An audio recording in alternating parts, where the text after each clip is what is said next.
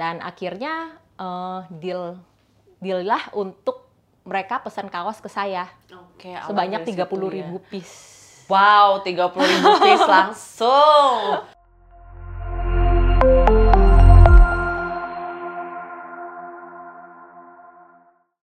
Halo, selamat siang teman-teman entrepreneur. Balik lagi nih di YouTube entrepreneurs.id dan Spotify Entrepreneur. Hari ini kita kedatangan salah satu founder dari nayara.id apa sih itu Naya.id? Kita mungkin langsung tanya-tanya aja sekalian gimana sih cara ngebangun bisnisnya. Kita ada Mbak Rina atau Mbak Andrina. Halo Mbak Andrina. Halo Mbak Selamat Kina. siang. Dadah dulu siang. kalian di rumah. Hai hai. hai. Oke, thank you banget nih Mbak Andrina udah mau sharing-sharing bareng sama entrepreneurs.id ya. Aku lanjut aja ya teman-teman nih kita coba kolik nih nih ya. Oke Mbak Andrina boleh perkenalan dulu nggak nih? Dulunya mungkin backgroundnya apa dan sekarang kesibukannya apa? Silakan Mbak. Saya Andrina, saya dari Jakarta. Uh, saya adalah seorang desain grafis. Lalu saya ambil S2-nya adalah Master Business Administration. Oke. Okay. Lalu setelah berkarir sebagai desain grafis di advertising saya sendiri waktu dulu di Jakarta, uh, saya menghandle klien-klien donat, roti yang terkenal banget tuh banyak di mall-mall. Oke. Okay. Lalu saya merit dan pindah ke Bandung. Oke. Okay. Sekarang saya ada orang orang Bandung, saya punya tiga orang bidadari, uh. dan saya aktivitas sekarang adalah uh, memanage nayara.id. Oke, ini teman-teman. Jadi sebenarnya untuk jadi business owner dari bisnis fashion tuh nggak selalu yang harus punya background khusus di bidang fashion ya, tapi berawal dari desain grafis juga nih teman-teman. Boleh nih teman-teman yang mungkin suka gambar bisa diasah lagi siapa tahu jadi business owner bisnis fashion juga ya gitu. Bener banget. Ya kan? Oke, aku lanjut nih. Uh, Mbak Rina mungkin boleh diceritain gak apa sih itu Nayara.id? Nayara.id adalah koleksi yang menyediakan baju daily wear, baik batik maupun yang basic untuk keperluan sehari-hari. Lalu sejak pandemi kita juga mulai mengeluarkan koleksi baju tidur, juga koleksi untuk baju untuk event. Ada okay. acara, arisan, kawinan yang semi formal okay. dari batik. Oke, jadi sebenarnya semua bisa dibilang tuh dari yang basic, daily wear sampai yang formal, semi formal tuh ada ya? Ada. Oke, segmentasi ini apakah ke cewek aja atau mungkin ada yang buat bapak-bapaknya juga sampai anak-anaknya? Jadi dulu kita ada, okay. tapi sekarang kita fokusnya adalah ke ladies. Oke. Okay. Jadi Nayara adalah everyday wear, everyday bisa dipakai dari kamu bangun tidur sampai kamu juga balik lagi tidur lagi. Oke, okay, wah keren banget nih. Nih, tapi ngomong-ngomong kita ladies gitu ya. Baju-baju ladies tuh emang lagi hype banget ya. Pasarnya tuh tinggi banget ya berarti ya di Indonesia. Menurut saya market ladies cukup besar uh -huh. dan kebutuhan mereka untuk tampil anggun, elegan, yeah. untuk uh, up to date setiap saat. Mereka punya apa ya kayak kebutuhan yang cukup tinggi untuk itu. Oke, ini menarik nih. Jadi emang mungkin karena ibu-ibu juga apa ya gatel mau shoppingnya tuh tinggi gitu kan ngelihat baju bagus nyaman langsung check out gitu salah satunya tuh Nayara tuh mempro apa punya produk-produk yang berkualitas dan bagus-bagus juga gitu Bener, ya dan produk kita adalah uh, kita menyediakan produk-produk yang tingkat kenyamanan dipakainya tuh tinggi. Hmm. Soalnya banyak ya kayak hmm. di luaran itu mereka tuh ngirit kain oh. sehingga harganya murah, tapi tuh kalau dipakai tuh polanya tuh nggak nyaman. Oh. Dan apa namanya? Okay. Mereka memilih kualitas bahan yang rendah untuk hmm. mengejar harga murah sehingga nanti tuh kalau bajunya dicuci ya, nanti tuh bajunya pernah pakai nggak? Kadang-kadang tuh baju batiknya tuh itu jadi peyang miring sebelah oh, iya, motifnya. Iya, iya. Nah, atau jadi susut atau jadi dia ngatung. Hmm. Nah, itu semua uh, tidak ada di Nayara. Oh. Nayara hanya menyediakan semua produk-produk dengan kualitas terbaik. Oke, wah mantap banget nih teman-teman. Boleh dicek, mungkin Instagramnya di mana tuh? Di nayara.id.official. Kalau di websitenya kita uh, www.nayara.id. Wih, teman-teman segera cek ya. Aku juga habis ini cek nih, mau langsung lihat ya kan. Butuh juga mau lebaran kan? Bener banget, kita juga ada koleksi yang cocok untuk lebaran. Nah, tuh boleh tuh teman-teman. Oke, berarti aku lanjut nih, ya. Mbak Rina gitu kan. Uh, kenapa sih dulu bisa memutuskan terjun ke bisnis fashion? Karena kan Mbak Rina nih udah punya basic desain grafis dan ya. dulu udah punya advertising agency sendiri lah bisa dibilang. Itu kan bisa dibilang juga satu comfort zone ya. Kenapa Benar. bisa starting pointnya tuh Nayara Terbangun tuh gimana sih gitu?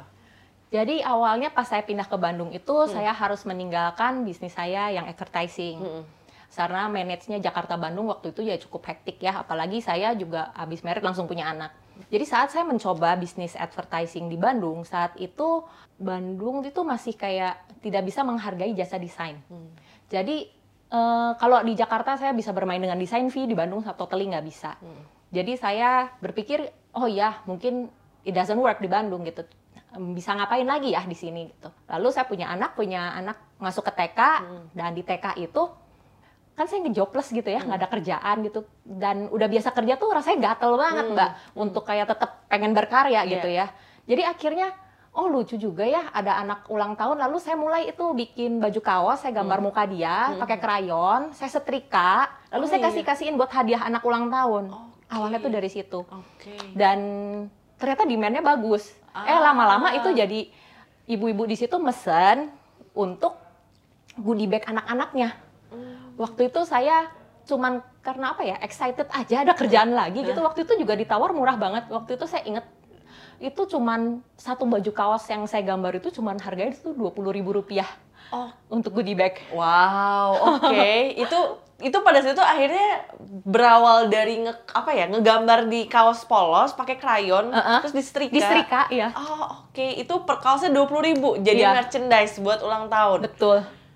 Menarik, menarik banget nih. Itu terus ibu waktu pas masih manual, aku bilangnya manual, ya. Manual, bener, manual, manual. manual. Itu berapa kaos bu? Waktu uh, sampai akhirnya banyak yang mesen juga. awalnya mah cuman kayak eh, 10, 20, lalu bisa kalau ya ulang tahunnya lebih rame bisa sampai 50 gitu ya. Semuanya manual gitu saya Oke. kerjainnya gitu. Oke, nah setelah itu dari situ gimana tuh bisa Setelah itu kita sempat ada dari tim eh, Trans Studio Makassar waktu itu, waktu dia baru mau buka di Makassar, eh, ada yang tertarik gitu dengan desain baju kaos seperti itu.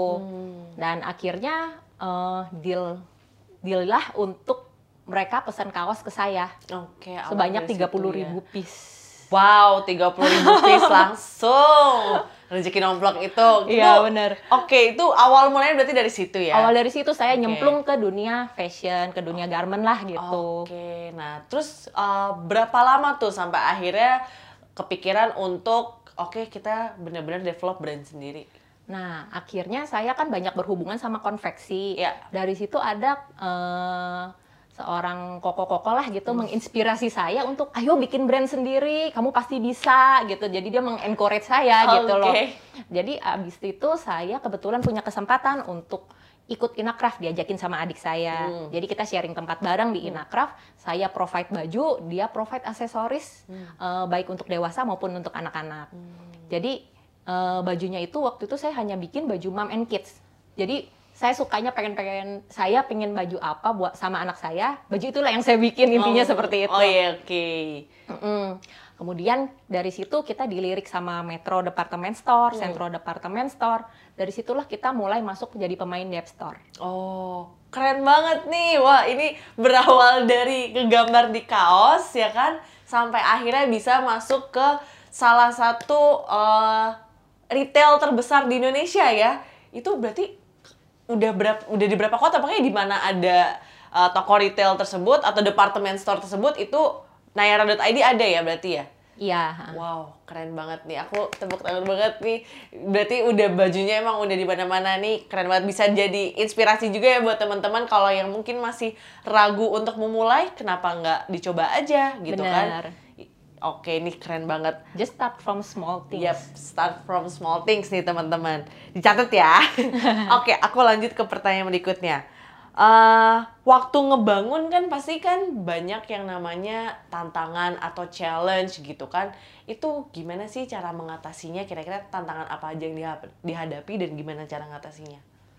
Jadi di awal Nayara itu berdiri, eh, challenge pertama adalah gimana memproduksi baju dengan baik. Mm-mm. Kita mempunyai standar eh, produksi yang bagus. Lalu kita juga eh, gimana ya? eh, saya mulai buka toko sendiri, gimana belajar memanage toko, belajar memanage karyawan, lalu juga belajar manage atur duit, cash flow dan lain-lainnya gitu loh. Jadi eh saya itu pengen selalu melakukan sesuatu hal yang baru setiap tahunnya. At least ada one new project every year gitu.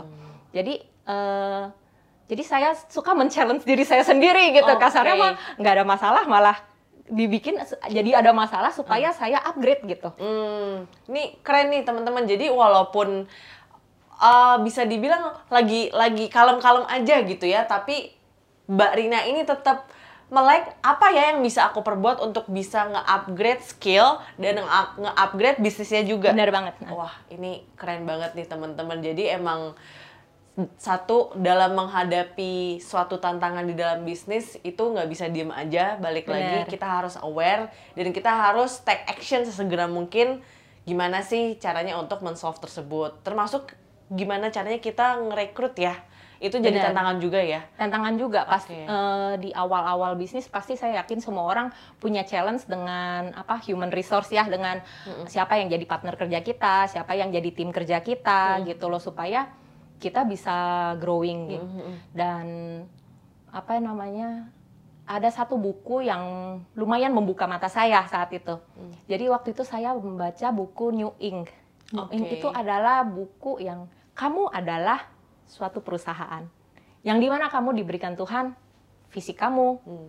potensi kamu, bakat kamu, pemikiran kamu itu adalah eh, ya kamu itu adalah suatu perusahaan itu sendiri, kamu itu adalah suatu aset. Hmm. Dan dari situ saya jadi lebih mengenal diri saya sendiri sehingga saya lebih ngerti plus minus saya di mana. Saya harus cari orang itu untuk melengkapi saya. Oh, menarik nih. Jadi harus uh, apa ya? Kita itu berada di lingkungan yang support diri kita untuk berkembang ya. Betul banget. Teman-teman jangan kebanyakan main ya. Cari teman-teman yang bisa apa ya? upgrade skill teman-teman buat jadi business owner. Tuh, itu ya penting banget ya. Dan mungkin baca-baca buku juga. Benar, baca Ah. buku. Lalu itu kan yang sehubungan dengan pe- pengembangan diri. Yang kedua adalah buku yang membuka mata saya adalah eh, Imit, Imit. karangan Michael Gerber. Oke. Nah, buku itu tuh menceritakan adalah, oke, kamu suka fashion. Nah, kamu suka fashion lalu kamu mau jadi eh, jualan fashion.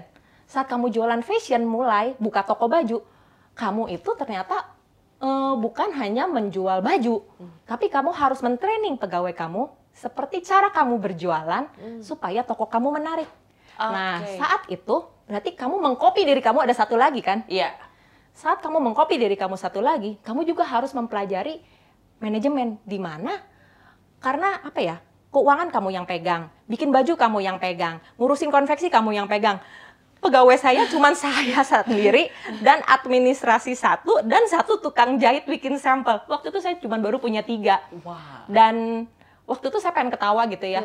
Metro waktu itu kan eh, engage sama saya Iya. dan lalu dia kasih satu list eh, yang harus diisi Iya.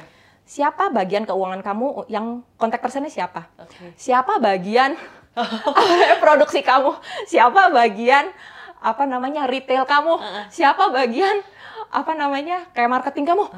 Kok Semuanya? banyak banget yang harus diisi? Uh-uh. Itu semua isinya saya. Sampai apa namanya? Oh ternyata kalau perusahaan yang benar saya harus punya orang-orang yang itu. Oke, expert di bidang itu. Iya, jadi harus punya bidang-bidang tertentu yang seperti Metro. Nah, ini loh SOP perusahaan yang benar gitu loh. Dan itu menjadi goal saya di kemudian hari. Oke. Gitu. Dan sampai sekarang akhirnya udah berapa timnya sekarang? Dari Sekarang- awalnya tiga. Tim inti kita sudah 20 orang. Wow, keren banget. Jadi masing-masing udah ada ya, bukan Mbak Rina nih setiapnya, Mbak Rina terus. Iya. Itu awalnya. Tapi emang mungkin itu yang harus dilaluin ya sama business owner. Bener banget. Karena kita harus tahu luar dalam, bener-bener harus tahu banget gimana keadaan bisnis kita gitu Bener. kan. Oke, ini menarik banget nih. Aku lanjut ke pertanyaan berikutnya. Nah, kita ngomong-ngomong waktu tahun 2020 atau pandemi, terdampak gak sih ini Mbak Rina bisnisnya? Tahun 2020 adalah titik terendah Nayara. Oke. Eh, It's itu okay. masa-masa yang berat. Iya, it's okay. Eh, apa ya? Di situ saya harus memutuskan untuk apakah lanjut atau enggak. Di situ saya harus memutuskan apa yang seharusnya dan apa yang benar untuk saya lakukan. Di tahun 2020 itu kondisi kita eh, karena mayoritas toko kita tuh adalah di Jakarta. Hmm. Jadi Jakarta waktu itu kan awal tahun Jakarta banjir, Mm-mm. lalu bulan Maret Jakarta lockdown, Iya. itu lalu di bulan Mei-nya kan eh, sekitar bulan April berarti itu sudah mulai masuk baju lebaran. Mm. Jadi di Desember itu sebenarnya baju lebaran sudah kita produksi gitu, udah kita Mm. potong, udah kita apa. Jadi kasarnya awal tahun gagal, Mm. eh, mau lebaran pun kita berharap Mm. ternyata lebaran pun gagal juga gitu. Mm. Jadi saat itu setelah lebaran itu ya teman-teman saya itu udah banyak yang tutup tutup tutup Hmm. tutup tutup gitu lah Hmm. karena eh, gimana bisa berproduksi sedangkan market nggak ada yang beli gitu loh Iya. posisinya. Cuman saya waktu itu apa ya kayak gimana gitu ya lebih mudah buat saya memang tutup. Kalau hitungan matematika udah pasti mah tutup Iya. tapi waktu itu saya merasa beban mental ya, beban moral gitu ya sama mereka yang sudah ikut saya 8 tahun, Iya. udah ikut saya udah lama gitu ya. Nanti mereka gimana? Apalagi masa pandemi cari kerja juga pasti susah kan Iya. gitu ya. Jadi saat itu saya belajar untuk memilih yang benar, Hmm. bukan apa yang mudah. Oke. Di situ bukan berarti masalah selesai, masalah tetap berlanjut. Oke. cash flow tetap apa ya apa bikin deg-degan tiap hari gitu ya. Uh, uh, uh, uh. Eh, tapi puji syukur ya di bulan Agustus setelah Lebaran itu sales baru mulai naik naik naik naik naik naik dan di Desember dahsyat banget lah salesnya. Dan itu benar-benar di luar ekspektasinya kita gitu ya. Dan itu semua dari online. Wow. Dan sekarang ya kita Nayara ya bertahannya dari online. Oke. Keren Gitu. banget nih. Berarti justru walaupun awalnya tuh kita diterpa masalah, bisa bisa aku bilang badai lah ya. Iya. Bisnis tuh ada masalahnya, tapi ketika bisnis owner dihadapi dua pilihan yang sangat berat, ya kan? Dan emang kalau dari awal kita udah punya komitmen dan emang soul kita udah ada di bisnis itu, pasti kita juga ada keinginan untuk tetap survive, untuk tetap bisa ngebantuin teman-teman atau tim yang udah support dari 8 tahun sebelumnya, Benar, heeh. belasan tahun sebelumnya gitu. Karena kan ibaratnya tim juga udah jadi keluarga ya. Benar, udah kayak keluarga, kita Iya. juga udah deket gitu ya. Heeh. Oke, jadi itulah yang menjadi kekuatan suatu bisnis owner itu juga dari tim ya, bener ya? Bener, Ah. mereka yang apa namanya, kalau bisnis sendiri mah misalnya andai cuma trading beli langsung oper kan, saya mah nggak punya beban itu. Iya. udah pasti tutup gitu. Iya, iya, Tapi iya. kayak saya punya tim yang 20 orang itu, terus rasanya kayak di hati tuh meskipun logika bilang tutup gampang gitu. Iya. Di sini tuh nggak nggak Iya. kuat gitu loh, Iya. kayak aduh gimana gitu merekanya gitu. Nah itu ya lah itulah yang membuat saya untuk tetap bertahan dan maju terus gitu. Oke, jadi buat teman-teman nih ya yang mungkin sekarang masih masih punya toko gitu kan, bisnis online punya toko, main ber- ma- masih main retail juga. Mungkin saran Mbak Rina coba mulai dari sekarang shifting ke online ya. Karena betul. salah satu penyelamat dalam kondisi apa pun kalau kita jualannya online itu bisa dibilang akan aman. Benar nggak ya? mungkin lebih baik punya channel punya channel penjualan yang berbeda-beda. Iya. Jadi nggak eh, kamu dapat duitnya only from one basket gitu, tapi from different basket itu lebih baik gitu loh. Karena kalau satu lagi pas sepi masih ada support dari yang lainnya. Seperti itu. Oke, nah ini keren banget teman-teman. Nah, aku jadi mau nanya nih, jadi waktu pas uh, di akhir akhir tahun 2020 itu kan udah mulai sales growth-nya udah mulai ada. Itu kan pas shifting ke online ya, udah mulai optimize di online-nya. Itu Mbak Rina belajar sendiri kah untuk jualan di online? Karena kan awalnya kan retail banget gitu ya, Iya, offline. suka main offline. Uh, uh, itu struggle-nya tuh gimana tuh? Karena kan online kan cukup kompleks juga gitu. Jadi sebenarnya saya udah punya offline, eh saya sudah punya online itu mungkin sejak dua tahunan yang lalu gitu loh. Cuman tuh nggak nggak opt- optimal penjualannya karena saya masih ada di zona aman saya. Saya punya offline dan offline saya jalan banget gitu loh. Ngapain saya capek-capek yang online gitu ya. Jadi itu dikerjakan semuanya sama tim saya gitu. Untungnya bersyukur banget pas di bulan Oktober 2019 saya itu saya ngeles hmm. untuk bikin Facebook Ads. Hmm. Saya belajar untuk betulin website saya sendiri. Hmm. Saya jadi gatel gitu ya. Udah setahun ini website kok nggak jalan-jalan gitu ya.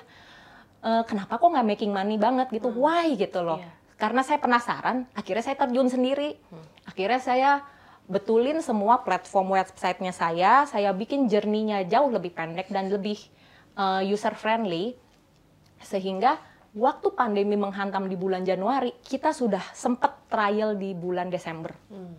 Jadi udah udah mulai pasang Facebook Ads itu di bulan Desember gitu loh, okay. udah mulai trial.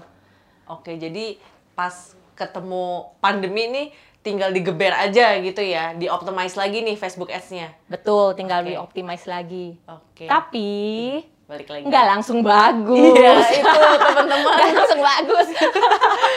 itu mesin perlu sejumlah uang uh. atau perlu effort yang lebih uh. untuk dia jadi mesin yang pintar dan berguna Betul. gitu. Jadi um, nothing yang kamu bisa took for granted gitu loh. Semuanya hmm. harus apa ya? Kamu harus usaha dulu, mengupayakannya dulu, baru bisa sesuatu tuh jadi berbuah gitu loh. Hmm. Oke, okay. dan balik lagi ya teman-teman kalau misalnya urusannya udah sama digital marketing itu pasti awalnya juga kita ada trial and error dulu bener, ya. Bener, Ibaratnya kita kayak baru buka toko di online dan ya sama aja kayak balik lagi di awal gitu. Kita coba dulu gitu kan ini worth atau enggak mungkin awal-awalnya belajar dulu juga Facebooknya bener, gitu kan. itu kayak bener-bener saat saya bener-bener saya yang secara uh. pribadi terjun ke uh. online yang mimpin timnya itu bener-bener kayak kayak apa ya kayak kamu punya bayi lagi gitu yeah. loh kayak kamu sesuatu yang benar-benar harus dipelajarin ini gimana ngerawat bayinya gitu hmm. loh dan online itu kalau sebelum saya terjun langsung saya dengar kata orang mah ah gampang ah murah gitu tim online itu mahal tau nggak apa namanya dan perlu di manage tuh like something yang daily justru yeah. gitu loh kalau offline justru enggak hmm. gitu okay. jadi uh, lebih ribet menurut saya hmm. yang online ini jadi okay. kalau apa namanya apa ya kamu mesti benar-benar punya kesiapan mental yang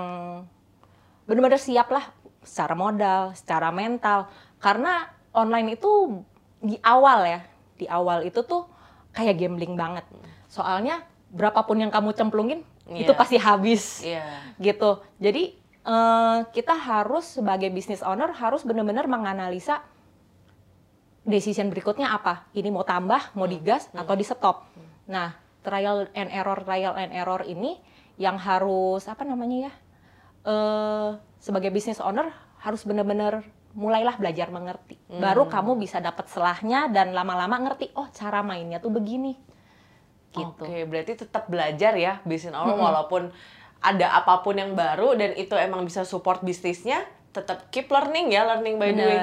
Oke nih, mungkin aku masuk ke pertanyaan terakhir nih, Mbak Rina buat teman-teman yang di rumah yang masih belum keluar dari comfort zone atau zona nyaman. Banyak ya teman-teman yang yeah. aku punya ide bisnis tapi takut, takut ditipu, takut rugi, tak males apa males males susah-susahnya gitu kan.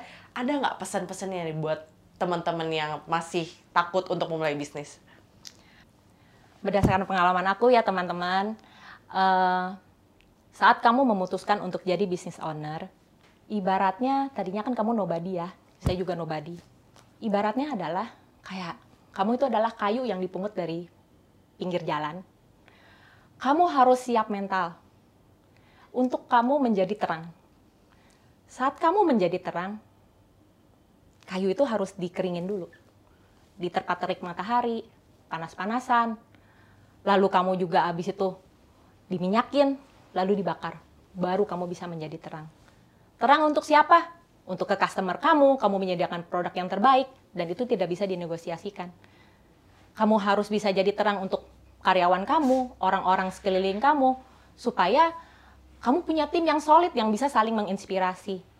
Juga kamu menjadi terang untuk bangsa kamu, negara kamu, dan orang-orang sekeliling kamu yang memakai produk kamu gitu wah ini petuahnya panjang juga teman-teman ini harus dicatat didengerin ya intinya adalah teman-teman satu harus mulai aja dulu start from small yeah. gitu kan jangan takut semuanya juga learning by doing dan apa pun yang kita usahakan dari awal susah dan tetap semangat, berkomitmen, tidak menyerah, ya kan? Iya. Tidak menyerah itu akan berbuah manis juga ya di ujungnya. pasti. Dan yang paling penting ya itu kayu tadi itu untuk menjadi terang kan dia harus dibakar. Dia kudu sakit gitu. Iya. Dan siap untuk menempuh apa pun yang akan menghadang kamu penderitaan atau nggak enak keluar dari zona nyaman itu untuk menjadi terang kamu harus siap untuk dibakar. Wes, keren banget nih Mbak Rina pesannya. Mbak Rina thank you Ya. banget udah sharing-sharing bareng entrepreneurs.id. Nah, buat teman-teman nih yang mau tahu tips-tips bisnis lainnya gitu, teman-teman boleh follow sosial media entrepreneurs.id di Instagram at entrepreneurs.id underscore dan boleh lihat juga nih video yang lainnya ya di YouTube entrepreneurs.id dan di Spotify Entrepreneur. Oke, sampai jumpa di episode berikutnya. Dadah!